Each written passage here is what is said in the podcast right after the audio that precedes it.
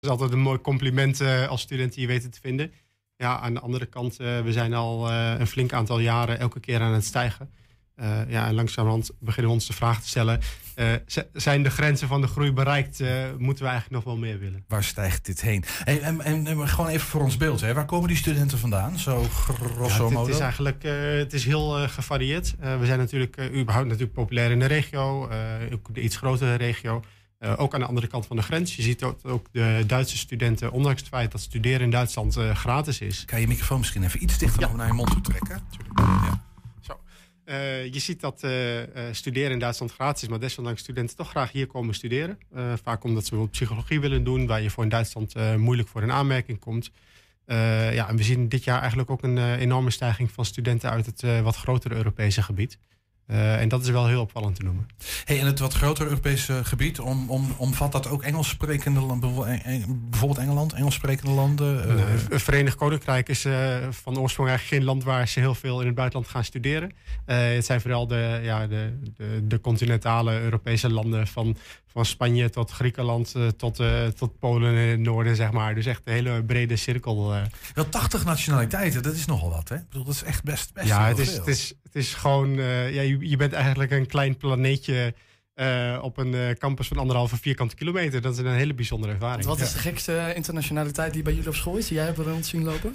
ja, ik zou niemand willen beledigen door zijn nationaliteit nee, maar gek te willen noemen. Waar komen ze daar allemaal vandaan? Het, het, komt echt ook overal vandaan. Uh, ja, ik zou bijna zeggen, noem een land. En ik denk dat we er een student vandaan hebben. Ah, dus weet je... Uh, alle Aziatische landen, Zuid-Amerika, Noord-Amerika, uh, Afrikaanse landen natuurlijk ook. Het is echt uh, ja, heel gevarieerd, heel gemêleerd gezelschap. Ja, cool. Hey, en die, die influx van studenten, zeg maar. Welke invloed heeft COVID erop gehad? Is daar iets over te zeggen of geen idee? Nou, het is voor ons heel lastig om die cijfers niet te voorspellen. dat zagen we eigenlijk vorig jaar al. Toen, toen konden eigenlijk internationale studenten niet goed afreizen. je zag toen, toen dat Nederlandse studenten uh, ja, er zijn gewoon meer diploma's gehaald. Minder mensen zakten voor een eind, uh, eindexamen. En dus, dus omdat de regels versoepeld dus, Ja, dat, dat was vorig jaar het geval. Hè, omdat studenten in keer, of leerlingen in één keer thuis moesten studeren. En uh, toen dachten we, nou, laten we een beetje soepel zijn met die eindexamens. Kwam er een enorme hoos aan nieuwe, nieuwe studenten naar de universiteiten toe. Dus toen zagen we denk ik een enorme piek. Nou, je ziet eigenlijk dat dit jaar dat weer een beetje genormaliseerd is. dat het aantal leerlingen dat een eindexamen heeft gehaald weer op het niveau van daarvoor zat. Uh, dat internationale studenten ook weer kunnen kiezen voor een studie in het buitenland. Waar ze vorig jaar echt nog uh, ja, dat gewoon niet konden doen, omdat ze er gewoon niet heen konden. Uh, zo simpel was het eigenlijk. misschien ook niet altijd dat trekken hadden, omdat ze toch online moesten studeren. dus ook dat begint zich weer een beetje te normaliseren. En, dus in die zin wordt het langzamerhand normaler. Maar desondanks, ja, de, de, je gaf het al een beetje aan in het begin. Um, vraag een beetje wat zijn de grenzen aan de groei. En een van de problemen daarin is natuurlijk huisvesting. Want wel laat je al die studenten? Ja, uh, daar hebben we het wel vaker over gehad. Ja, maar... we, hebben het, uh, we hebben het deze zomer natuurlijk ervaren. Uh, toen ook vrij plots, en dat heeft ook te maken met die lastige voorspelbaarheid van de cijfers vanwege COVID. We eigenlijk heel laat moment achterkwamen van oeh, die instroom is dit jaar wel heel erg groot. en, daar, en ja, tegelijkertijd zien we een moeilijke huizenmarkt. Uh, leerlingen die afstuderen, of studenten die afstuderen, die niet kunnen doorstromen naar de woning. Ja, dan heb je dus zomaar te maken met het kort tekort op de kamermarkt. Uh, en heb je gewoon niet voldoende studentenkamers voor al die studenten. En het heeft er zelfs toe geleid dat jullie op een gegeven moment, volgens mij augustus, september, ik weet niet eens meer precies wanneer dat was. Maar als we het bericht hebben doen uitgaan hè, naar aankomende studenten, dus als je nog geen plek hebt, heroverweeg dan uh, of je überhaupt wel wil komen of niet. Ja, dat was een hele heftige boodschap die we in, in, augustus hebben moeten geven, inderdaad. Waar we ook wel pijn van onze buik kregen. Uh, maar op dat moment was eigenlijk het enige wat we konden doen. Uh, we kwamen er vrij laat achter. Wat betekent dat dan inderdaad dat ook studenten hebben gezegd van ja, joh, dan maar niet, ga ergens anders kijken? Of... Nou, er, er, zijn wel een aantal studenten geweest die dit hebben gedaan. Het gaat niet om hele grote aantallen. maar ja, ze zullen dezelfde ervaringen waarschijnlijk ook elders hebben gehad. Ja, kijk in de rest van Nederland, daar is het qua studentenkamers al even moeilijk als hier. Dus Um, een oplossing elders vinden is al niet zo makkelijk, uh, makkelijk uh, ge, ja, gedaan dan gezegd. Nee, maar dan zit je dus met, uh, nou ja, met, met best wel een knelpunt. Aan de ene, enerzijds wil je graag die kenniseconomie vergroten. Meer mensen die vakinhoudelijk en goed zijn opgeleid. En aan de andere kant kun je ze amper huisvesten, wil je ze opleiden. Dat is echt wel een ja, probleem. Klopt. Ja, het was ook super mooi dat het Twente Board eigenlijk ook precies met dat geluid ook kwam in september. Van joh, het kan toch niet zijn dat we inderdaad al dat talent wat we zo hard nodig hebben voor de arbeidsmarkt, voor al die Twentse bedrijven die ja. uh, met, uh, met, uh, met te technologie bezig zijn, dat we die moeten laten schieten voor ja, ik zeg maar even een paar stenen. Hè, dat is eigenlijk het, het, het gevoel wat daarbij leeft. ja, en, en, daarop hebben we echt wel met z'n allen gekeken. Oké, hoe kunnen we dan zorgen dat we ja, zoveel mogelijk mensen hier wel kunnen huisvesten. Ja, dat is een fantastisch bruggetje, want hoe kun je ervoor zorgen dan? Dat je, dat, dat je, wat, wat, wat zijn oplossingen? Ja, kijk, bij, het lastig voor ons als universiteit is, uh, wij zijn niet verantwoordelijk voor huisvesting. Mm -hmm. uh, maar tegelijkertijd, we voelen ons natuurlijk wel verantwoordelijk. Ja. Het zijn ook gewoon onze studenten. Uh, we weten ook hoe belangrijk huisvesting is voor... Het is een boodschap die je volgend jaar niet nog een keer wil geven, toch? Nee, zeker niet. Nou, het feit dat we dit jaar zo'n harde boodschap hebben moeten geven, heeft natuurlijk ook te maken met het feit dat het vrij, vrij plots en vrij laat opkwam. Uh, als je kijkt, we hebben uh, volgende week hebben we weer een, uh, een open dag. Wordt weliswaar online gehouden. maar wat we daar aan verwachtingsmanagement doen voor nieuwe studenten. Ja, dus, daar, daar zie je wel dat, dat die toon van begin op tijd. Hè, pak ook ja, de kans die je krijgt, pak die ook gewoon. ja, die zit er toch wel veel duidelijker in. Ja. Dus iets uh, meer voorsorteren en misschien studenten die willen komen iets meer begeleiden. In, in, ja. in zorg dat ze op tijd de dingen geregeld hebben. Ja, maar goed, zeker. desondanks kan ik me voorstellen dat je blijft zitten met een soort kamertuk. Wat, hoe, wat, wat wordt er gedaan om, om te zorgen dat er meer plekken zijn überhaupt waar studenten zich kunnen huisvesten ja. voor een beetje fatsoenlijke prijs? Ja, het is echt een, ook een gezamenlijke samenwerking die we doen ook met de gemeente, met de, stu met de studentenhuisvesters. Uh, om te kijken waar, uh, ja, waar kunnen we nog ruimte maken. Snap ik, maar heb je concrete voorbeelden van dit is wat we gaan doen? Weet je dat um, überhaupt? Nee, je gaat nou, er niet over, dat snap nee, ik wel, we, we, zijn natuurlijk nu uh, bezig met de realisatie van flexwoningen op de campus. Mm -hmm. uh, dat biedt wat extra mogelijkheid. Uh, er is hoeveel, gewoon, hoeveel, plekken gaat dat dan in totaal? Um, dat gaat om een paar honderd plekken. Ja. Het precieze aantal heb ik even niet paraat. maar dat gaat echt wel over een substantieel aantal. En tegelijkertijd zie je ook gewoon dat er plannen zijn. dus voor huisvesting, zowel op de campus als ook daarbuiten. zie je echt wel dat we uh, ja, voor een deel al wel inspelen op de toekomstige behoeften. Uh, maar dat we misschien ook nog eens even met elkaar moeten evalueren of uh, datgene wat we aan het realiseren zijn, of dat er ook voldoende voor is. Is de kans dan groot dat jullie volgend jaar wellicht nogmaals dat bericht naar buiten brengen? Of zeg je, kun je, zijn jullie daar nu al zo druk mee bezig dat je durft te zeggen van dat gaat ons volgend jaar niet meer gebeuren? Nee, kijk, uh, het, is, het, is no, het is nog een jaar weg. Dus in die zin is het nog best wel lastig te voorspellen. Ja. Uh, maar met uh, ja, hoe wij studenten op dit moment informeren over studeren aan de UT in het komende academisch jaar. denk ik wel dat die studenten veel beter voorbereid zijn op wat ze hier te wachten staat dan, dan dat ze dat dit jaar waren. Ja. Ik vroeg me even af, hoe zit dat met, met de groei op, op andere universiteiten, zeg maar? Zie je daar ook, zeg maar, zo die, die, die, die toch wel toenemende stijging, uh, de winstmaximalisatie? Ja. Is, is dat een landelijk beeld of is dat typisch voor, u, voor de UT? Ja, je ziet eigenlijk alle universiteiten in Nederland uh, wel groeien. Uh, in die zin, we staan internationaal ook gewoon heel goed op als, als, als universiteitsland. we hebben een betaalbare universiteit, we hebben hoge kwaliteit op universiteit. Um, je, ja, je kan ook uh, ja, je kan dus de Kamer vinden. Een, het heeft een aanzuigende werking. Ja, dat, dat, dat, dat, is zeker. we zijn zeker heel aantrekkelijk met z'n allen. En daardoor zie je ook dat eigenlijk al die universiteiten groeien. Ja. Hey, als je nou naar de UT kijkt, wat zijn studierichtingen waarvan je zegt, nou daar is de rek eigenlijk zo langzamerhand uit? Want volgens mij zijn er wat numerus fictie. Uh... Ja, klopt. Uh, we hebben uh, voor een aantal studies hebben wij een numerus fictis, dus eigenlijk gewoon een loting moeten gaan instellen. omdat we gewoon niet meer studenten aankunnen dan. Welke opleidingen zijn dat? dat hebben we gedaan voor psychologie. Dat hebben we gedaan voor ehm, ja, technical computer science, dus informatica. dat zijn de opleidingen waar we dat nu voor hebben gedaan. En dat, dat, zijn, ja, dat zijn hele vervelende maatregelen. We willen ja. heel graag ook sturen op die groei. Uh, maar door middel van loting moeten zeggen, jij wel en jij niet, dat, dat voelt heel, heel ja. naar gewoon. Ja, dat, maar dat komt toch gewoon omdat, omdat dan die studierichtingen vol zitten. Dat heeft, er staat op zich los ja. van huisvesting en dat soort dingen. Dat ja, dat, dat, heeft, dat heeft echt gewoon te maken met, uh, we kunnen gewoon niet voldoende docenten leveren. Nee. Uh, om ook te zorgen dat we die programma's op een goede manier kunnen draaien. Toch vond ik dat wel grappig, want ik hoorde dat en ik dacht, dat is toch opmerkelijk. Psychologie is natuurlijk niet per se een technische de, ja, de, universiteit is natuurlijk een technische universiteit. Althans, dat is, dat is een beetje de oorsprong. En nog steeds wel een beetje de, het, het profiel, volgens mij. Dus dat je juist die op, opleiding psychologie hier aan de universiteit vol zit, zou ik maar even zeggen. Ja. Is dat ook een landelijk ja, beeld of is dat... Um, ik wil wel het beeld wat wegnemen dat psychologie uh, niet zoveel met techniek en technologie te maken nee, ik, heeft. Ik dacht al dat je dat uh, zou gaan wat, zeggen. Wat je namelijk bij ons heel erg ziet, is dat uh, dat richt zich onder andere op thema's als user interaction. Hoe ga ik met technologie werken? Uh, Wat doet dat e met je als mens? E-help. Dus kan, kan, kan ik een app gebruiken die mij stimuleert om een gezond le gezonde leefstijl te hebben? Dat zijn nou typisch van die interventies waar onze psychologen en psychologen van de toekomst meedenken over: oké, maar wat werkt nou en wat werkt nou niet? juist ook vanuit het begrijpen hoe werkt, uh, hoe werkt het brein van iemand en hoe, uh, hoe kun je daar een interventie op plegen. Uh, snap ik, dus- maar dat, dat, dat, bracht me precies tot die vraag, omdat ik me afvroeg of de UT dan, zeg maar in die, in die versmelting hè, van wat vroeger alfa en beta richtingen waren, nou, dat, dat, dat, dat, is, de UT, is, de, is de UT een beetje een pionier, voorloper in die, in die fusion van dat soort vakken, zeg ik maar even, van oudsher? Ja, ik denk het wel. Als ik zie wat, uh, wat er bij ons ook in de technische opleiding aan de vakken als ethiek wordt gegeven, bijvoorbeeld, uh, ja, dan, dan zijn we daar echt wel ook een voorloper in.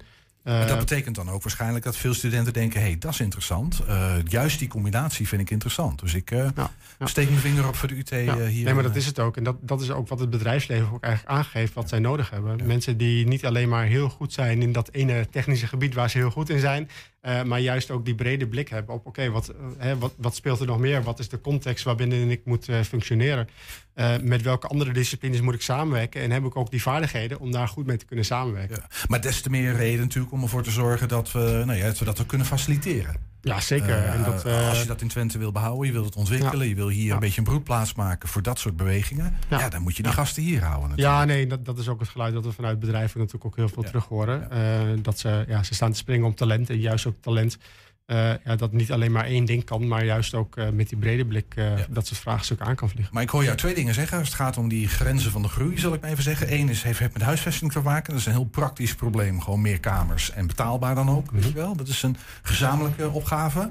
Maar ik hoor jou ook zeggen, er zijn ook een aantal opleidingen waar we gewoon niet voldoende docenten kunnen leveren. Dus ook ja. dat is een knelpunt. Ja. Dan. nou, nou is die huisvesting is natuurlijk, ja, ik zeg toch maar even een relatief eenvoudig probleem. Daarmee zeg ik niet dat het makkelijk is om, om morgen een paar huizen ergens gereden hebben. Dat, ja, maar het is uh, overzichtelijk. Je weet wat je dat, moet dat doen. is overzichtelijk. Ja. Maar uh, ja, op een technische universiteit heb je bijvoorbeeld ja, nagenoeg elke opleiding in wiskunde. Uh, ja, er is er gewoon een enorm tekort aan wiskundedocenten landelijk. Ja. Uh, dus ja, daar lopen wij natuurlijk ook tegenaan. Dus dat probleem ga je ook niet fixen uh, als universiteit dan? Zeg dat, maar. dat gaan we niet alleen in één keer oplossen. Nee, nee zeker niet. Nee, nee. Maar ik kan me voorstellen, wat, wat, wat is jullie oproep aan... aan um, um, je zult inspanningen verrichten om ervoor te zorgen... dat al die afgestudeerde wiskundeleraren in ieder geval naar de UT komen dan zoiets, ja. hè? Nou ja, kijk, um, we, we, zouden graag iets meer ruimte willen hebben... om ook te kunnen sturen op welke studenten we binnenkrijgen. Uh, en dan is een numerus fixus nou niet bepaald een, uh, een, een, instrument wat ons daar echt bij helpt. Uh, kijk, wij hebben een best wel grote bachelor-instroom. We hebben een wat kleinere master-instroom. ja, studenten die klaar zijn met de master zijn eigenlijk die studenten die klaar zijn voor de arbeidsmarkt. Die eventueel een promotietraject kunnen gaan doen, ook bij de universiteit. Daarmee ook de, de onderzoeker en de, de wetenschapper van de toekomst kunnen zijn.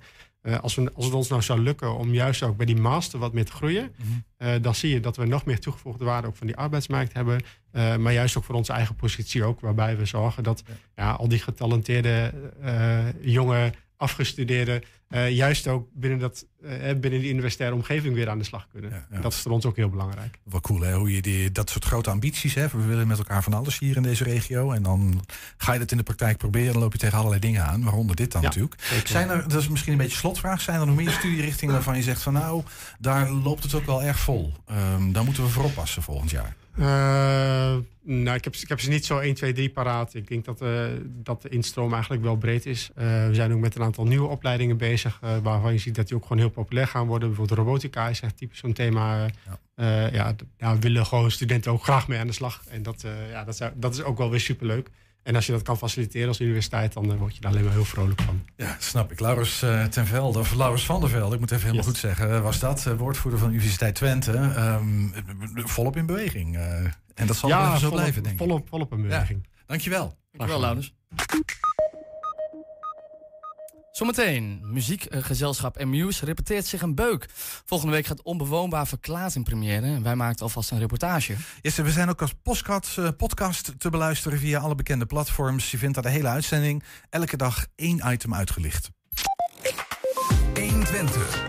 120 vandaag. Corona is en blijft meer vloek dan zegen. Toch lijkt de, EQ, de epidemie hier en daar lichtpuntjes op te leveren. De extra large terrassen op de Enschedeze Oude Markt lijken een blijvertje te worden. Het kan, kennelijk. Aan de lijn hebben we Robin Hollander, bestuurslid van Vereniging van de Horecaondernemers in de Enschedeze binnenstad. Hallo Robin, hebben we je? Bijna. Had ik iets over? Ik hoor iets. Robin, je bent aan de lijn? Ik ben aan de lijn. Heel goed, ik hoor je. Um, hi, hey, jij bent zelf horeca-ondernemer? Uh, ik ben uh, marktondernemer en uh, ik ben, word ingehuurd door de horecavereniging. Ja, precies. Dat, dat was, je hebt eerder een uitzending gehad, maar kon je even niet meer plaatsen. Maar marktondernemer, nee, dat is heel fijn. Er is een foto bijgeplaatst voor jou, Ernst. Dus, Dankjewel. Ja, ja, die foto heb ik zelf opgezocht in het archief. hey, die, die XXL-terrassen, die mogen blijven. Is, is dat voor eeuwig of is dat toch nog zo tijdelijk? Uh, nou ja, goed, we, we zijn uh, met de gemeente uh, in overleg over een nieuwe terrasvisie. En daarin meegenomen hebben wij natuurlijk de ontwikkelingen van de afgelopen anderhalf jaar meegenomen. Mm -hmm. Want wij, ja, wij en ook gelukkig de ambtenaren bij de gemeente hebben wel gezien dat de vele terrasjes en de, de uitbreidingen Enschede een stuk leuker maken. Nou ja, dat is niet alleen jullie en de ambtenaren, maar ik, volgens mij ook de Enschedeers. Nou ja, dat vooropgesteld natuurlijk. Ik word wel uh, blij van die, uh, van die Het ziet er wel feestelijk uit. Ja, nou, hey, daar zijn we ook heel, heel blij mee dat, maar, dat, uh, dat het zo ontvangen wordt. Ja, ja. ja snap ik. Wat, wat, wat is de status nou precies dan van die XXL? Is, is dat nog onderdeel van nou ja, de ontwikkeling van een visie? Of, of ja, staat het al vast dat ze mogen blijven? Nee, het is uh, uh, in die zin de trasvisie die omhelst het hele binnenstadgebied. Hè. Dus dan, dan praat je eigenlijk over nou ja, van, vanaf Van Heekplein tot en met het Wilmingtheater ongeveer. En in die binnenstad, daar, daar zijn regels opgesteld over waar terrassen mogen komen en waar, waar niet bijvoorbeeld. Mm uh, en uh, nou ja, dat, uh, dat moet natuurlijk allemaal omkaderd worden binnen, binnen een visie. En vervolgens ga je dan nog kijken naar de kwaliteit en de uitstraling. En dat zijn eigenlijk allemaal zaken die, die nu nog gedaan moeten worden. Maar de, de trasvisie die, die gaat binnenkort naar de gemeenteraad. En dan hopen we dat iedereen er enthousiast van wordt. Heb jij je hard moeten maken voor die regels, Robin? Of heeft de gemeente geprobeerd met jullie mee te denken? De gemeente heeft uh, zeker met ons uh, geprobeerd mee te denken. Dus uh, kijk, het is een diverse stakeholders, dus de winkeliersvereniging, de horeca, de binnenstadbewoners. en natuurlijk ook de, de, hoe heet dat, de stadsarchitect hebben allemaal meegedacht over van nou, wat is nou mooi voor onze stad. Ja. En daar is een visie uitgekomen. En uh, nou, daar zit uh, een onderdeel daarvan, hè, want dat wil ik wel even benadrukken. Het gaat niet alleen maar over XL-terrassen. Een onderdeel daarvan is uh, inderdaad het harmonica-terras, zoals we dat noemen. Oh, jullie noemen het een harmonica? Een extra uitbreiding in de zomer. Oh, oh, dat blijft bij een extra uit, uitbreiding in de zomer. Ja, ik kan me ook voorstellen dat je winters iets minder grote terrassen nodig hebt, sowieso. Ja, ja. hey, maar stel nou dat die XXL-terrassen er komen. Want tot op heden was dat tijdelijk natuurlijk. Dus ja, ik kan me voorstellen, investeer een beetje. En zet ik hier een bloembak extra neer en wat extra tafeltjes. Maar als dat nou definitief wordt, betekent dat iets voor jullie? Extra personeel? Ik heb geen idee. Het is niet alleen maar leuk, kan ik me voorstellen. Het is ook werk, volgens mij. Uh, nou, het is, uh, het is zeker gewoon vooral leuk. Dat is uh, het belangrijkste.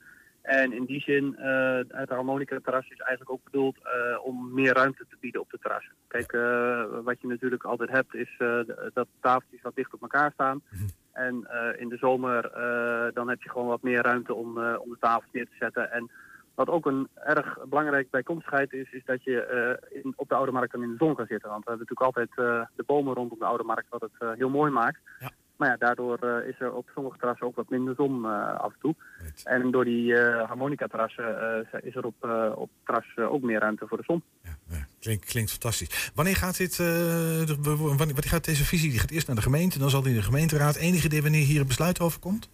Ja, volgens mij staat dat gepland voor eind november, december. En nou ja, goed er is heel veel werk en energie ingestoken, dus ik, uh, ik, ik heb goede hoop dat, uh, dat iedereen hier enthousiast van wordt. En, en dan wil ik zeggen, het, het gaat echt over alle terrassen. Hè. Dus ook uh, bijvoorbeeld de terras op de Klokkenplas, waar, je, waar Rox bijvoorbeeld een leuk terrasje heeft ge, gekregen. Maar ook het terras op Kruispunt de Graaf, hè, wat daar midden op, op het plein staat. Dat zijn ook allemaal dingen die in deze visie geregeld zijn. Hè. Dus, dus niet alleen de oude markt. Nee, die, die zitten er ook in opgenomen. Ja. Nou, uh, volgens mij ons heb je mee. het lijkt me fantastisch. We gaan het met belangstelling afwachten. Robin Hollander was dat, bestuurslid van de horecavereniging in de Enschedeze binnenstad. Dankjewel, Robin. Dankjewel. Straks het Huis van Verhalen in Enschede. Een begrip. Binnenkort is dat ook in Hengelo zo. En als staat een uh, Hetty Franke ligt, in elk geval. Want ze is zometeen bij ons en dan vertelt ze er iets over. Yes, heb jij nou een tip voor de redactie? Mail dan naar info apenstaart 1. Uh, apenstaart is wel heel erg dubbel op, hè? Ja. ja, dat doen we niet. Apenstaart120.nl 120. 1, 1 120 vandaag. We schrijven 1967 uh, en Markenveen, een vredig, heel vredig dorpje. Waar het leven voortkrabbelt en flauwe pauwen iets is van de andere wereld. Tot er een huis vrijkomt dat eigendom is van de kerk. En gegadanigden, ja dat krijg je als je dyslectisch bent hè. zich verdringen onder wie vervreemde vogels uit de stad met lange haren, wijde blouses en zweverige ideeën over vrijheid en liefde. Het is aan meneer Pastoor om te beslissen wat er met dat vrijgekomen huis gebeurt. De Enschedeze muziekvereniging uh, A-Muse werkt hard aan de 22e productie van haar 27-jarige bestaan. En wij namen een kijkje.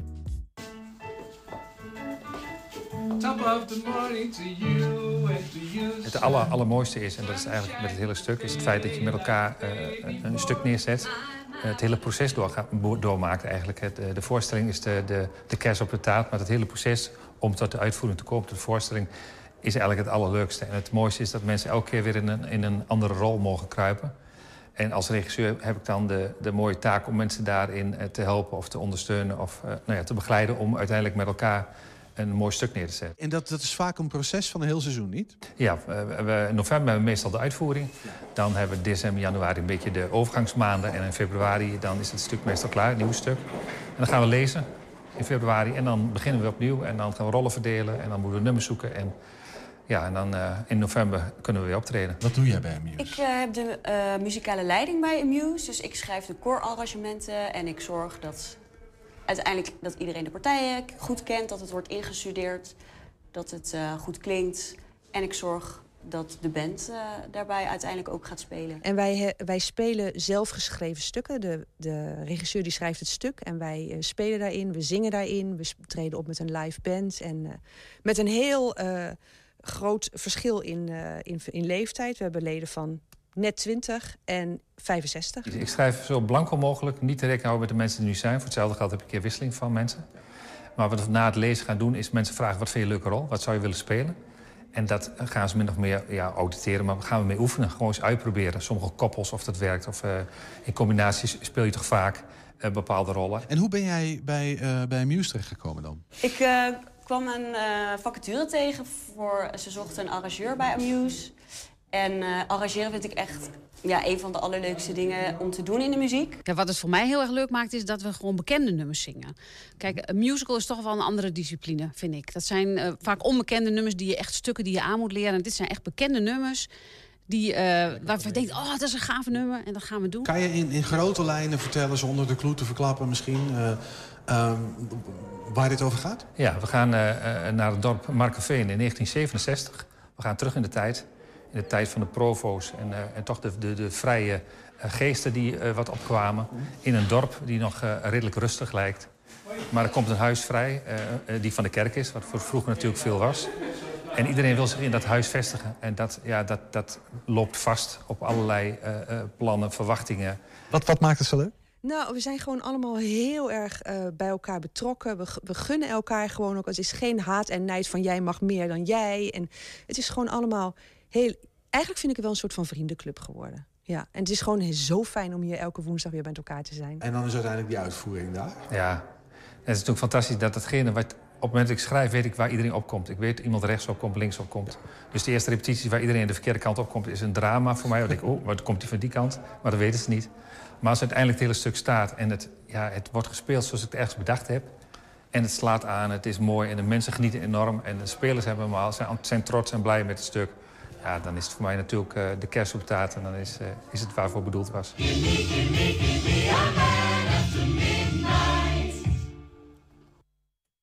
Ja, onbewoonbaar verklaard gaat volgende week donderdag in het Haaksbergse Theater de Kappen in première. Voor die première en vrijdag de 19e zijn nog kaarten. Zaterdag is er ook een uitvoering, maar die is uitverkocht. Oh ja, gaat snel. Ja. Straks gescheperde schaapskuddes hebben het zwaar. Maar wat voor schaapkuddes? Uh, blijf luisteren en kijken. Zometeen weet je er alles van. Heb jij een tip voor de redactie? Um, we zeiden net ook al, meld dan naar info. En ik zeg apenstaart 120.nl. je leert van je fouten. 120. 120 vandaag. Ja, beeldend kunstenaar en oud stadsdichter van Hengelo, Hetty Franke, richt in de Hengeloze Biep een huis van verhalen in. Iedereen kan meedoen met foto's en voorwerpen, het maakt niet uit wat het is. Als er maar, aan, uh, als er maar een verhaaltje of een herinnering aan vastzit. Hetty uh, is net aangeschoven, haastig, auto ergens geparkeerd, uh, lastig zoeken, maar ze is er welkom. Ja. Fijn dat je er Dankjewel. bent. Hey, ehm, jij bent sinds afgelopen vrijdag Hengelo stadsdichter af. En eh, je dacht van nou, nou eh, ik ga me vervelen. Dat worden de geraniums of ik ga wat nieuws doen. Was het zoiets? Nou, eh, ik ben een paar maanden geleden al gevraagd door de Biep. Oh ja. Om, doe iets, kun je iets doen met verhalen? In eerste instantie zou ik een eigen tentoonstelling inrichten. Maar ik denk, ja, dan krijg je weer de, netjes de schilderijtjes aan de muur. En je wandelt weg en dan moet je maar zien wat het eh, verder wordt. Dus ik, ik had heel veel zin om een keer iets anders te doen. En dan met mensen die ook een verhaal hebben. En Huis van Verhalen. Toen kwam ik meteen een beetje in mijn eigen atelier terecht. Daar heb ik een groot prikbord met een heleboel notities en krabbels en foto's en van alles. En waar ook echt een verhaal in zit. En ik denk, ik ben wel benieuwd naar de verhalen van andere mensen. en niet alleen kunstenaars, maar gewoon ook eh, mensen die eh, bijvoorbeeld iets hebben waarvan ze zeggen... als ik daarnaar kijk, dan komt meteen dat, die gedachte in me op. En, eh, Dus eigenlijk een beetje vanuit, want het is dus, dus dat idee van, de, de Biep vroeg jou om een expo. Ja. En jij dacht, ik, we ma ik maak er een, een, een verhalen-expositie Ik van. denk, dat is het idee. eh, ja, ik was een beetje klaar met weer mijn dingetjes op te hangen. En Ja. heb je verder niet zoveel respons. En ik denk, ik vind het veel leuker om iets met andere mensen te doen. En een keer hun werk te bekijken of hun verhaal. Dus eh, Dat vraag ik me meteen af, heeft dat, heeft dat, want je bent twee jaar, denk ik, nou ruim. Ik Ja, precies, maar je bent flink lang stadsdichter geweest, Ja, want het- ja, de corona en dat duurde allemaal wat langer. ja. Ehm, he- heeft dat daar iets mee te maken? Is dat je misschien dan toch wat meer...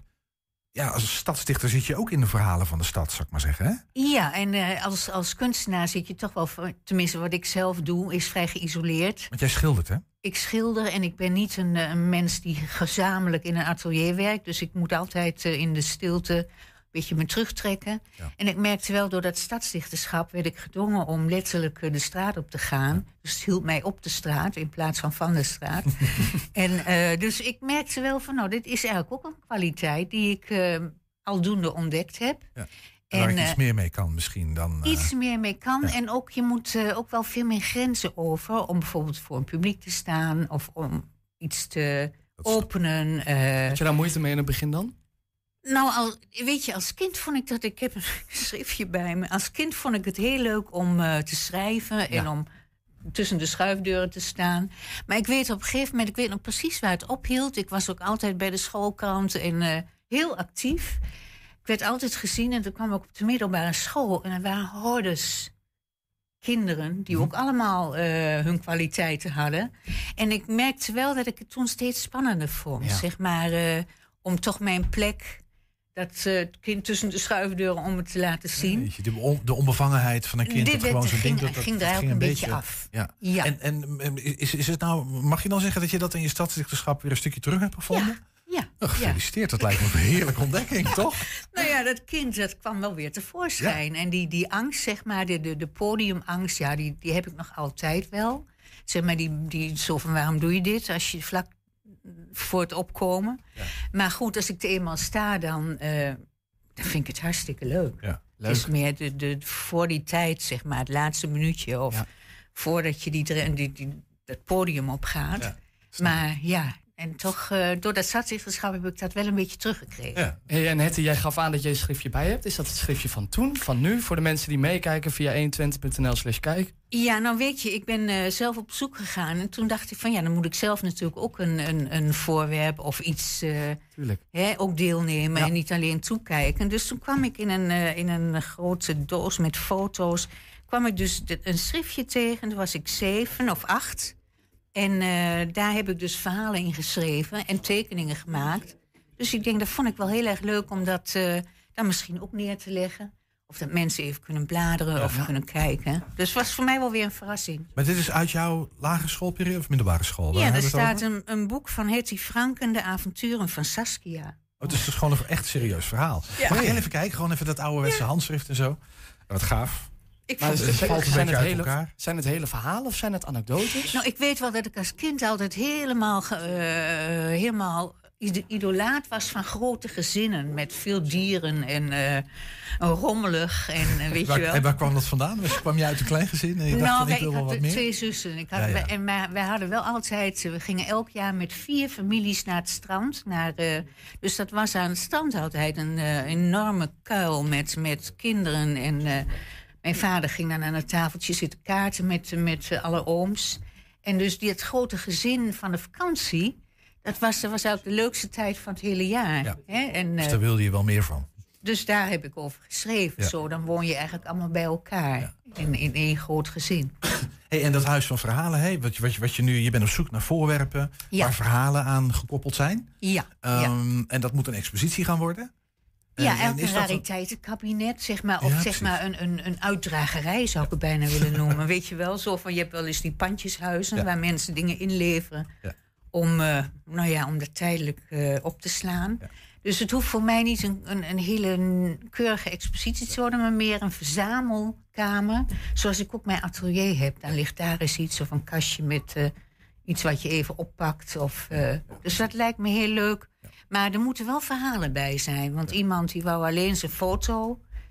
En ja, er zit dan geen denk ik, ik achterliggende gedachte toch- bij, hè? Nee. Ja, of een Ja. paar woorden. Ja. Of het hoeft Ja. niet een heel lang verhaal. Maar of een zinnetje of een kernwoord. Maar niet alleen die foto. En dan... eh, Ik ben wel benieuwd van wat zit er dan achter. hey, maar dat klinkt als een. eh, want het is een, een expositie in de Hengeloze Bibliotheek. Ja. Dat, dat zal een tijdelijke expositie zijn. Maar heb jij nou het beeld van je. Eigenlijk moet dat daarna ergens ondergebracht worden in een soort permanent verhalenhuis? Of, of is het echt gewoon tijdelijk? Eh, Of- nou, wat ik heb gedaan is, ik heb wel een eh, subsidie. Je kon tot 1 nove- nee, 5 november subsidie aanvragen. Dus ik denk, het zou wel mooi zijn om daar brochure of een soort krant van te maken. iets, iets blijvends van. Ja, en dan ook niet een, een ja, zeg maar een soort krant, een brochure waar mensen dus hun verhaal en hun fotootje in terugzien. Dus Ja. dat ze wel iets meekrijgen. En dan heb jij je eigen schriftje al met een, met een verhaal. Eh, eh, heb je inmiddels al wat voorwerpen en verhalen verzameld? Of moet dat Nou, nog ik- helemaal los gaan komen? Jawel, nee, ik heb een, eh, een, een. Vroeger had mijn moeder een wonderpan. Dus dat was een, een ding, dat zette je op het gas. Een, een soort tulband. Misschien ken je hem. Ja, volgens mij en dan wel. had je zo'n glaasje en dan kon je inkijken. En dan kon je zien of die cake eh, Ik ben niet te, voor, te jong was. voor zon. Dat was jongens. heel bijzonder. Ik had vroeger een iPod, sorry. Ja. ja, maar- Ik kan niet meepraten, maar het Ja. klinkt wel eh Het is, entertainment. ja, maar dus niet in de oven, maar op het gas. Aha. Ja. Mijn moeder had ook zo'n wonderpan en die cakes die zijn nooit, nooit gelukt. Maar dat lag volgens mij aan mijn moeder. Maar wel leuk geprobeerd. Ze waren wel lekker. Oh, maar, eh, heerlijk, Ja, dat ja. zakte altijd weer En daar heb ik wel een verhaaltje over geschreven, Ja. zeg maar. Ja, maar heb je ook vanuit de stad al verhalen kunnen verzamelen? ik heb eh, van, ook van mensen... Een mevrouw die woonde in Haarlem. En die had in Hengelo gewoond. En die had een eh, olielampje. En die wou het zelfs nog opsturen. Maar ik denk, ja, dat vind ik wel een beetje spannend. Dus ik zei, stuur eerst de foto. Want ik heb gekeken, er zit zo'n glaasje in. En ik Ja, denk, oh... kwetsbaar. Ja, dus eh, ze heeft de foto gestuurd en haar verhaal. En, een, En dat is dan een, een hengeloos verhaal of van, de, van, Ja, van dat olielampje van een, eh, en deze mevrouw die daar... waar die haar moeder altijd dat lampje op haar Ja, precies. nachtkastje had staan. Ja, dus het, eigenlijk gaat het om dat soort best kleine verhalen... maar die Ja. alles bij elkaar toch een beeld schetsen van Ja. een tijd van Hengelo... van de. Hengeloze inwoners. Of Dat is van een het. verhaal. kan zelfs nog veel langer geleden zijn van de oorlog. Of van eh, een herinnering. eh, maakt niet uit. Nee. Nee. Voor je het weet wat je bedolven, joh. Wat een enorme Ja, eh, ik- bak aan voorwerpen die jouw kant uit gaat Ik komen. neem mijn eigen werktafel mee in twee stoelen. Want het moet natuurlijk Hoeveel wel ruimte heb je? heel klein, geloof ik. maar ik dacht al, ik heb vannacht liggen denken... misschien breid ik het wel uit met schildersdoeken. Dus eh, er zijn een aantal schotten. Die wil ik zo neerzetten dat het een kleine kamer vormt. Ja. Kijk, en als ik daar grote schildersdoeken tussen plaats... dan wordt die ruimte iets groter. Ja, ik snap het. Maar dit is nog een uitdaging. Dus eh, misschien een oproep richting eh, de, de, Hengeloze, bibli- de Hengeloze bibliotheek. Als dit nou helemaal uit de hand loopt. is prachtige verhalen. De bibliotheek is natuurlijk een huis van verhalen aan zich. Dus ruimte voor Hetty Frank alsjeblieft. Misschien met Enschede mee wil werken. Dat Nou, je dan dat- overal een beetje, eh, overal wat hebt staan. In Enschede en in Hengelo. Dat is wel een en heel in, eh, leuk idee. Ja, ja. Ja. Nou, het lijkt trouwens. Hey, eh, Hetty, ehm, misschien nog even als afsluiting. eh, een oproep aan de hele Hengeloze bevolking die nu aan jouw lippen hangt. Ja. Wat vraag je van ze? Nou, Wat ik wil je? vraag Wat zoek je? van ze dat ze een eh, voorwerp of een foto... Daar is of camera. Kijk maar eens recht in de Oh, camera. eh, wil. Daar, hier vlak voor je, waar dat rode lampje kijkt. Even kijken. Ja. Nou, ik roep jullie op om een eh, foto of een voorwerp of een eh, attribuut, het mag zelfs een kledingstuk zijn, om dat naar de bibliotheek te brengen in Hengelo. En dat mag tot 24 november. En heel graag een verhaaltje daarbij. Het hoeft helemaal geen lang verhaal te zijn, maar een paar zinnen of steekwoorden. Tot maximaal 250 woorden. Eh, wat heel mooi is, dat je nog een fotootje maakt van je voorwerp en je verhaal in Word even uittypt. En dat mij mailt. Van dan heb ik dat in ieder geval voor dat boekje, eventuele boekje. En dat kun je mailen naar info apenstaatje hettyfranken.nl en Hetty met IE. Hetty met IE. Goed, ja. Hey, komt er een officiële opening? en Zo ja, wanneer? Ja, de officiële opening is donderdag 2 december om 4 uur. Hartstikke goed. Ja. En dan is de expositie te zien tot? En de expositie is te zien tot februari, dus een hele tijd. Tot en met februari? Tot, of- eh, nee, tot februari. Tot februari. Ja. Hetty Franke was dat, dankjewel. Eh voormalig stadsdichter en nu eh verhalen, vrouw. Verhaal maken. Ja, ja. verhaal maken. Dankjewel. Dankjewel. Dankjewel. Zometeen een schoolbel, een echte. Weet jij nog wat het is, eh Mick? Heb je enig idee? Want je was net van de iPod, zei je. Ja, jij, jij doet net alsof ik net om de hoek kom kijken. Nee, dat deed je net zelf. Nee, ja, nee, ik weet nog wel wat het is. Ja, zeker. Ja, Ja, ik kan het ook nog herinneren. Dat betekent dat je naar binnen moet. Ja, zo'n bel. Ja, nee, ja, maar jij bent helemaal. Jij, met de Nee, hand doe jij. een handmatige bel, serieus, Nee, nee, ik had zo'n ding wat op tijd dan al ging, digitalisering en zo. Nee. Je kent het wel eens. Nee, ik, ik, echt echt zo'n ouderwetse bel. Ja. Nou, die bellen blijken museumwaardig te zijn. Ehm, althans, in Hengelo is er eentje aan het, aan het museum gegeven. We hebben een reportage. We hebben een reportage. Hebben wij een reportage? Als het goed is, hebben wij een reportage. Nee. We hadden er vroeger een. We maakten een reportage. Oh, dat is... Nee, wacht maar, eens even. We ja, gaan we een gaan- we reportage gaan meteen krijgen. heen. Maar ik, Ah. eerst, ik wil jou eerst eh, met jou samen het hebben over Toon Tannik. Maar daar gaan we nu naartoe. 120. 1. 120 vandaag. Ja, na dit jaar eindigt de provinciale subsidie voor de instandhoudende van de gescherpte schaapskudde in Overijssel. Zonder die subsidie kan, eh, kunnen de vijf rondtrekkende herders en hun schapen niet. Als de provinciale staten woensdag niet besluiten om de subsidie te verlengen, dan houdt het helaas op. Een van die kuddes die aan de bel heeft getrokken is de schaapskudde Haaksbergen. En we hebben een verbinding met voorzitter Toon Tankink. Toon, goedemiddag. Goedemiddag. Dat is hem, Toon Tankink, voormalig dierenarts in eh, Haaksbergen en wijde omstreken, heb ik begrepen. En eh, het Ja, is een, tijdje geleden dat we bij de biggetjes van, eh, van jou zijn wezen kijken in de museumfabriek. Ja, die maken niet veel geluid meer, denk ik. Nee, die zitten in een potje met, met prachtig sterk water. Zeg maar, jij bent voorzitter van de schaapskudde in Haaksbergen. Ehm, Ja, zeker, Wat, wat doet die schaapskudde? Ja, precies. Ja, die zwerft rond. Maar De schaapskudde die zwerft rond over de woeste gronden van het uh, Haaksbergerveen. En ehm, dat is niks nieuws hoor, want in het jaar 1000 liepen daar al schapen rond. dat is Dus zelfs de schaapskudde uit het jaar 800 na Christus dan. Hè. En ehm, dus er is niks nieuws aan. Maar die schaapskudde die was vroeger voor lijfsbehoud en die is nu voor natuurbehoud. En dat betekent dat die schaapskudde die graast alle berkenbompjes weg. Als dat niet gebeurt, groeit het veen dicht. Ja. Hey, maar je zegt vroeger lijfsbehoud, dan denk ik melk en vlees. Daar ging het dan vooral om waarschijnlijk. Nou, klinkt raar, maar het allerbelangrijkste was mest. Oké. Dus niet eens wol Ja. ook, maar mest. Nee, die, eh, die zandgronden rondom dat veen die zijn zo arm dat als je vroeger geen mest had, dan ging je gewoon dood, want dan groeide niks. Dus eh, die mest van de grond. verzameld in de stal. Ja.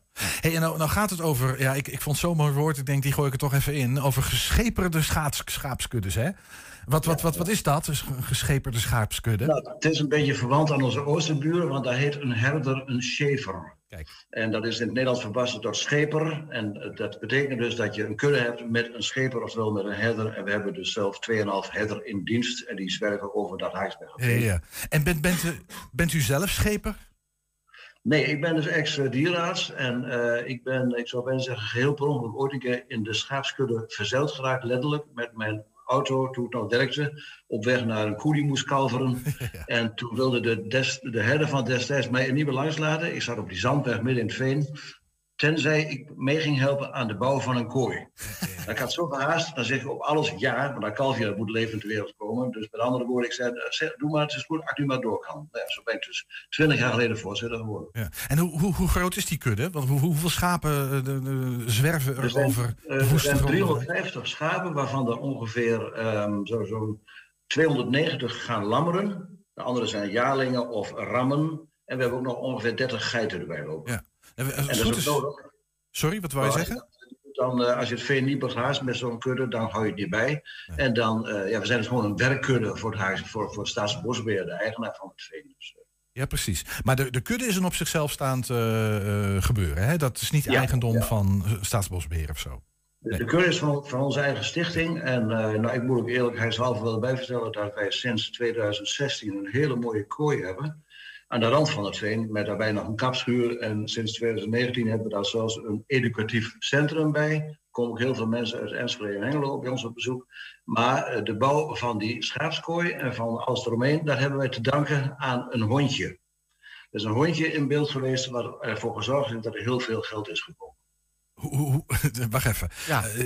doe mij zo'n hondje, wou ik bijna zeggen. Maar hoe, hoe is dat gegaan?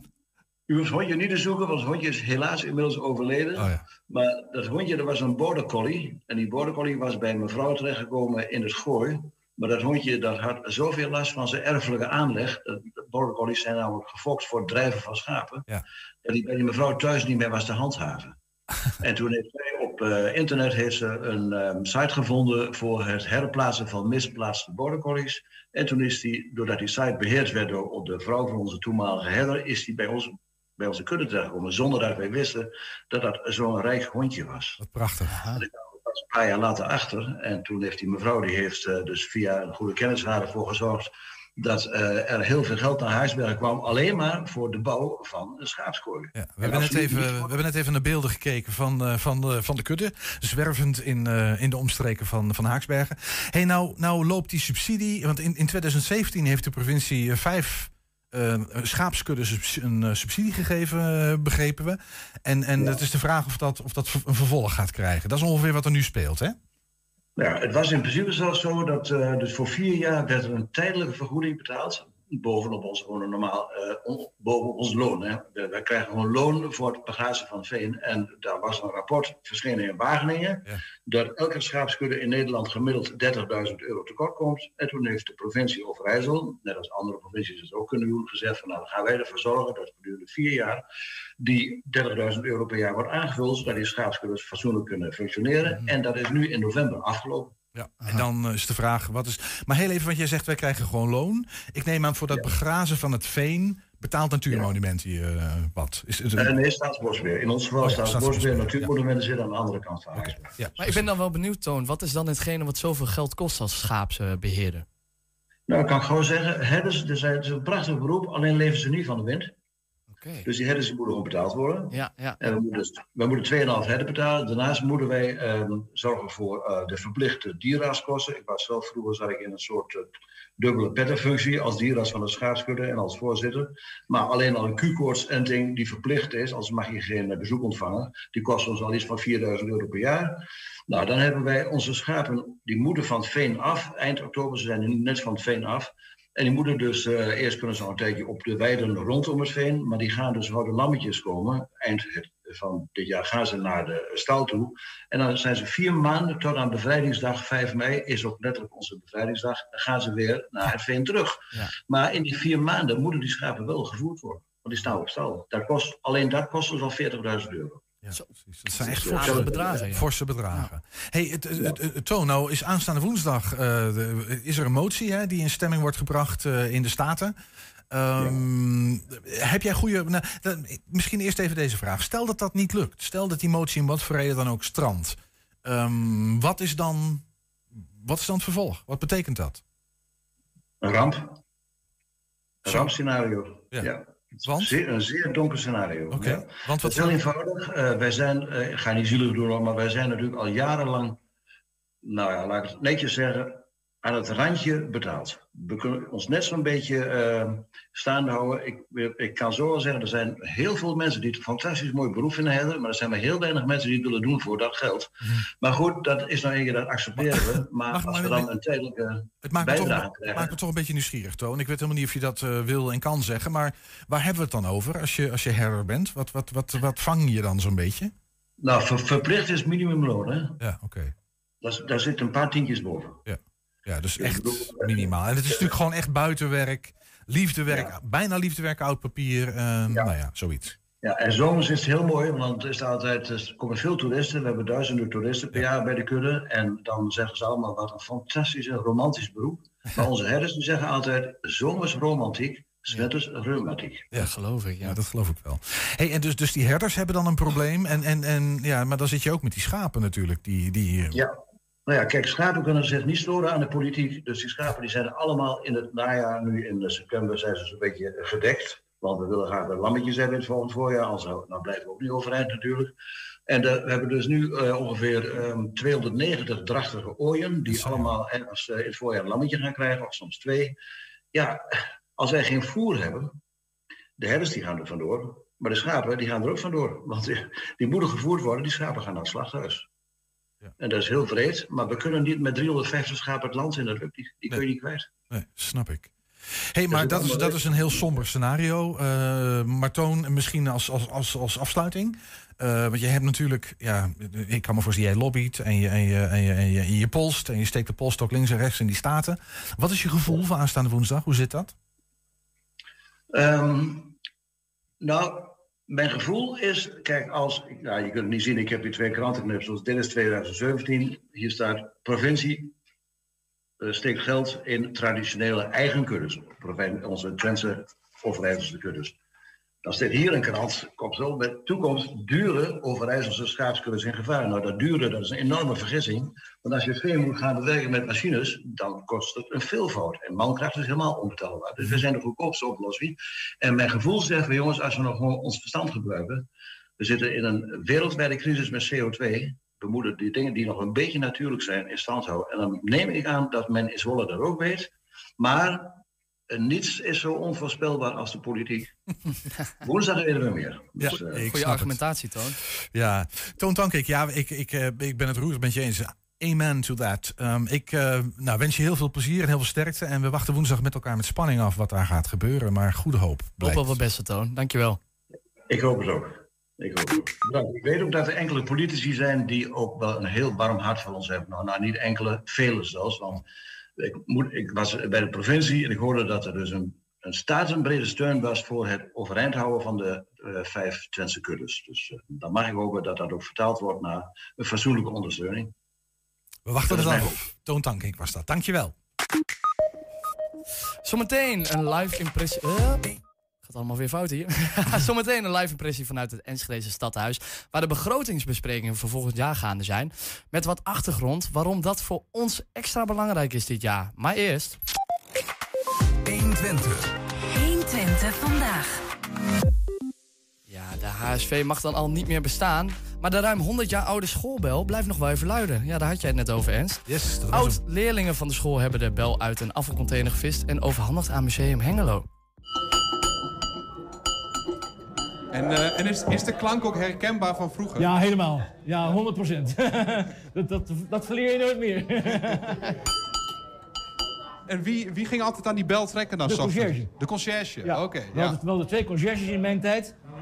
Uh, en uh, ja, hoe, dat, die taakverdeling was, weet ik niet. Maar, en dat waren van die mooie oude mannetjes.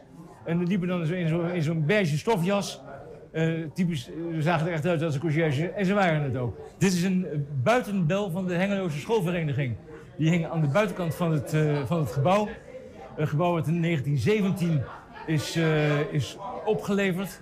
En de bel heeft vanaf dat moment tot 1972 dienst gedaan als buitenbel... om de leerlingen om half negen te manen dat ze naar binnen moesten. Om half elf na de pauze nog een keer en dan om half twee wederom. En dat drie, dagen, drie, drie, keer per dag, zes dagen in de week. Want op zaterdag hadden we ook les. En, uh, en, en, hoe was je schooltijd? Fantastisch. Ja, ja zeker ook omdat er uh, de, de, de, naast natuurlijk het, serieuze verhaal als uh, het rekenen, taal, noem maar op. Maar ook heel veel tijd was voor vrije expressie. En dan moet je denken aan, aan, aan timmerles voor de jongens, naailessen voor de, voor de meisjes. Uh, de obade met, met, met, met Koninginnedag op het, op het Stadhuisplein. Uh, de knikkertijd waar iedereen er meedeed van, van klas 1 tot en met 6. Maar ook de, de leerkrachten die deden ook mee met, met dat verhaal. Ja, ja, dat, dat gaf een hele, hele aparte, gezellige sfeer. Een nieuwe, een nieuwe aanwinst voor het museum, of niet? Ja, daar zijn we blij mee. Die krijgt hier een functie in deze van, uh, auditorium. Uh, ons eigenlijk gewoon in de schoot geworpen door uh, Pieter Damstee en zijn kornuiten. En ja, die gaan we hier niet op zolder neerzetten. Die krijgt een plek waarmee we, als we hier in dit auditorium lezing hebben... de mensen naar hun stoel kunnen luiden. De hele schoolvereniging is op een gegeven moment is, het, is die opgehouden te bestaan. En er is een heleboel opgeruimd. Onder andere zijn, uh, is deze bel gered. Er zijn ook wat uh, tegeltableaus zijn er gered. en de gevelsteen van de Hengeloze Schoolvereniging. En dan moet je je voorstellen, dat zijn vier brokken zandsteen van ieder anderhalve meter, bij elkaar zes meter, waarin uitgevreesd staat de Hengeloze Schoolvereniging. Eh, die is ook gered. En die komt over twee jaar komt die terug als bank op de plek waar die ooit thuis eh, waar die ooit eh, stond. Namelijk in de Wolter de Kazenstraat, ter hoogte van het kruispunt met de Professor Lorenstraat. Bent u ook wel eens eh, na de bel ook naar binnen gegaan nog, dat u te laat was? kan, kan ik me niet herinneren. ja, weet je, ik, ik denk dat we in die tijd wat, eh wat plichtsgetrouwer waren dan, dan de jeugd van tegenwoordig. Maar goed, ik, weet niet, ik weet niet wat beter is trouwens. Het, eh, 120. 1. 120 vandaag. Ja, in de Enschedese Raad starten vandaag de besprekingen voor de begroting van volgend jaar. Altijd een klus van je welste. Hoe verdeel je al die verschillende potten met geld? Voor ons is het extra spannend toch dit jaar, omdat er een motie wordt ingediend eh, die eh, gaat over ondersteuning van onze omroep.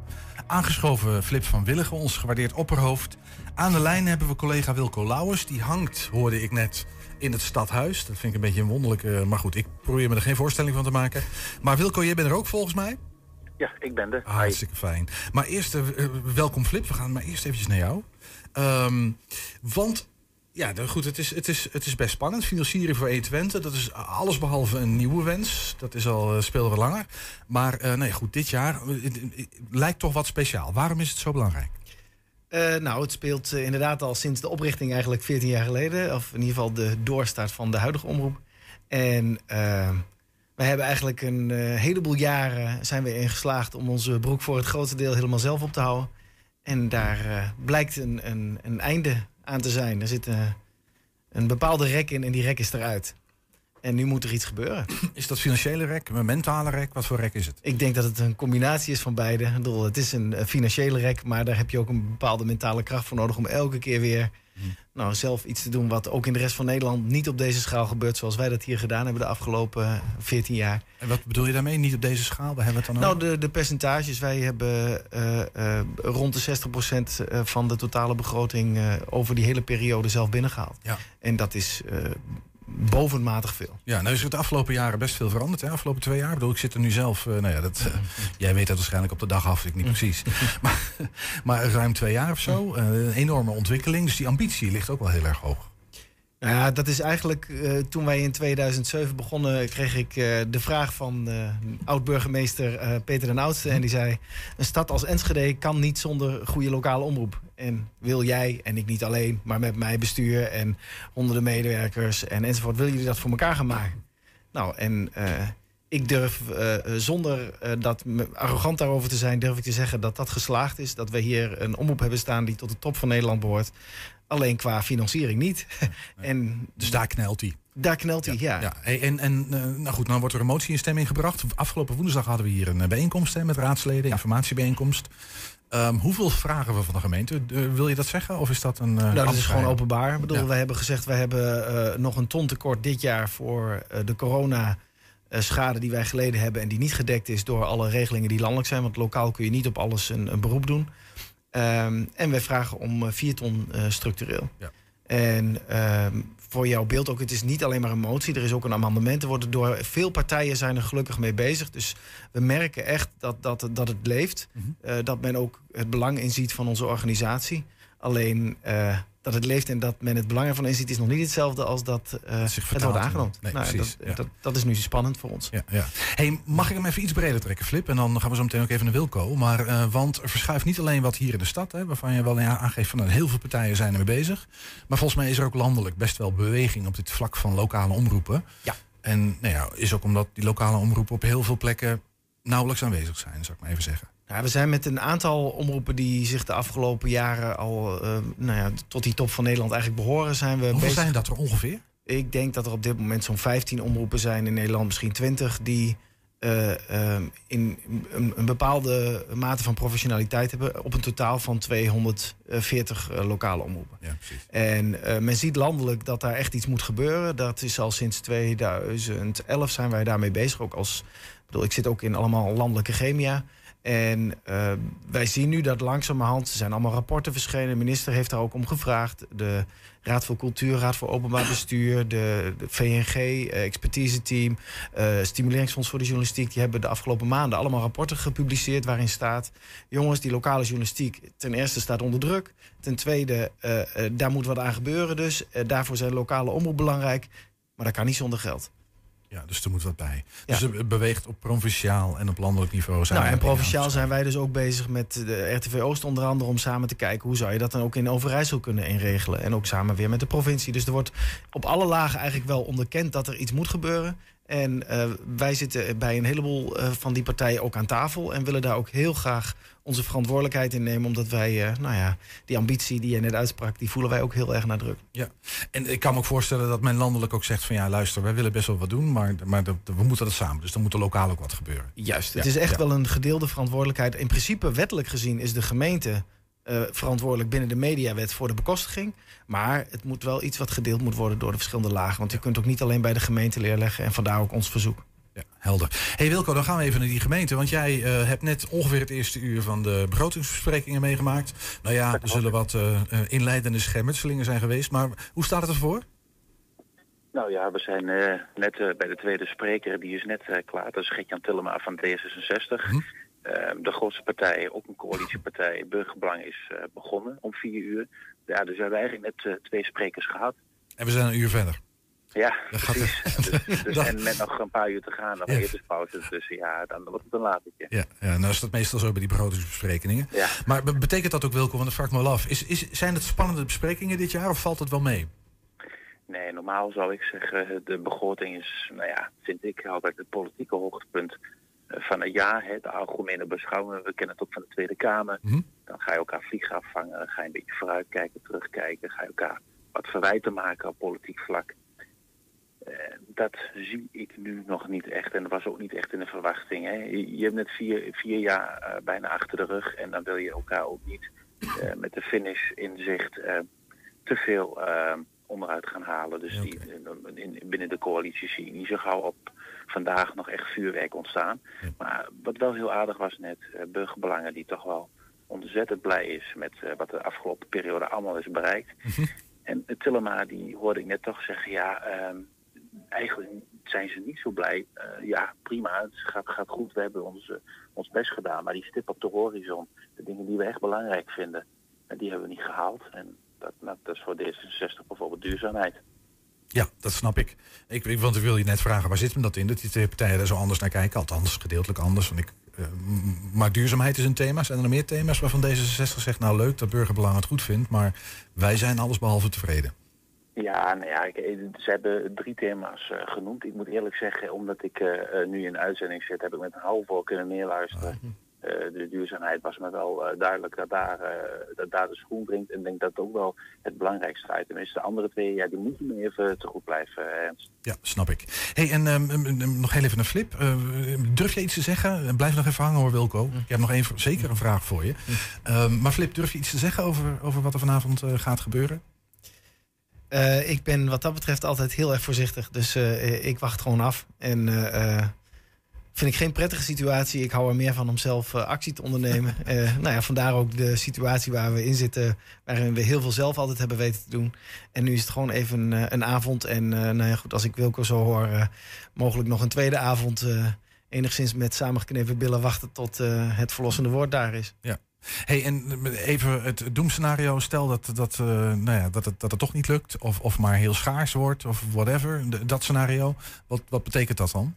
Ja, ik heb uh, ook hier, deze vraag kreeg ik ook bij de raad die hier afgelopen woensdag op bezoek was. En ik heb gezegd, um, ik kan alleen maar op dit moment zeggen dat ik het dan op dit moment even niet weet. Meer kan ik ook nog niet zeggen. Ik, ik hou er ook niet zo van om heel erg al dat soort dingen helemaal uit te akkeren voordat je daar bent. En maar dat zal uh, nou ja, een grote vraag worden. Er zijn geen alternatieven voor dit? Uh, ik kan ik nu geen antwoord op geven. Nee. Ik heb ze nog niet gevonden, want anders had ik dat ook wel aangedragen. Ja, ja. ja mm. helder. Ja, ik wil die de vraag toch stellen, maar ik kan me ja. voorstellen. Nou goed, we, we, ja, we wachten het af. Um, en Wilco? Uh, nou ja, dat is een beetje een voorschot. Flip net, nam net al een beetje een voorschot. Uh, verwachten we hier vanavond nog uitsluitsel of duidelijkheid over? Of denk jij van nou, dat gaat waarschijnlijk nog wel even duren? Nou, zoals het tempo hoe het nu gaat, eh, schat ik in. Hè, zes uur is altijd even etenspauze, een uurtje. Dan heb je nog vier uur te gaan. Ja, alle, we hebben dertien partijen inmiddels. Uh, nou, Margriet uh, Visser is er vandaag niet bij, dus er zijn twaalf bijdragen. Maar nog steeds is dat heel erg veel. Dus ik verwacht niet dat er vanavond tot de stemming van de moties en de wijzigingsvoorstellen gaat komen. Nee. Uh, ik heb het nog wel even opgezocht, waar wringt nou de schoen? Ook bij D66, behalve duurzaamheid, gaat het ook om kansengelijkheid. Hè? Dus krijgen alle kinderen in de stad evenveel kans om, uh, nou ja, om alle opleidingen te kunnen genieten die ze willen, om naar het HBO te gaan of om werk te vinden. En uh, de, tweede, de laatste is de aantrekkelijke stad. Enschede moet aantrekkelijker zijn. Dat spreken ze altijd uit. Hè? Talenten behouden en aantrekken. Nou, dat is ook niet gelukt, zegt D66. Je moet echt beter. Ja. Nou ja, je hoort al een klein beetje inleidende schermutselingen voor richting verkiezingen. Als ik het, uh, ja, je ziet natuurlijk wel de, de, de, verschillen in de, in de coalitie. Hè, uh, burgerbelangen en, en, en D66, ja, die liggen ook op dat soort thema's zoals duurzaamheid natuurlijk ook al wat verder uit elkaar. Dus je ziet, je ziet wel de verschillen, maar ja. ze gaan hier in dit debat vanavond denk ik niet elkaar um, echt... Um, te lijf. Nee, dat is Spreekwoordelijk. Nee, helder.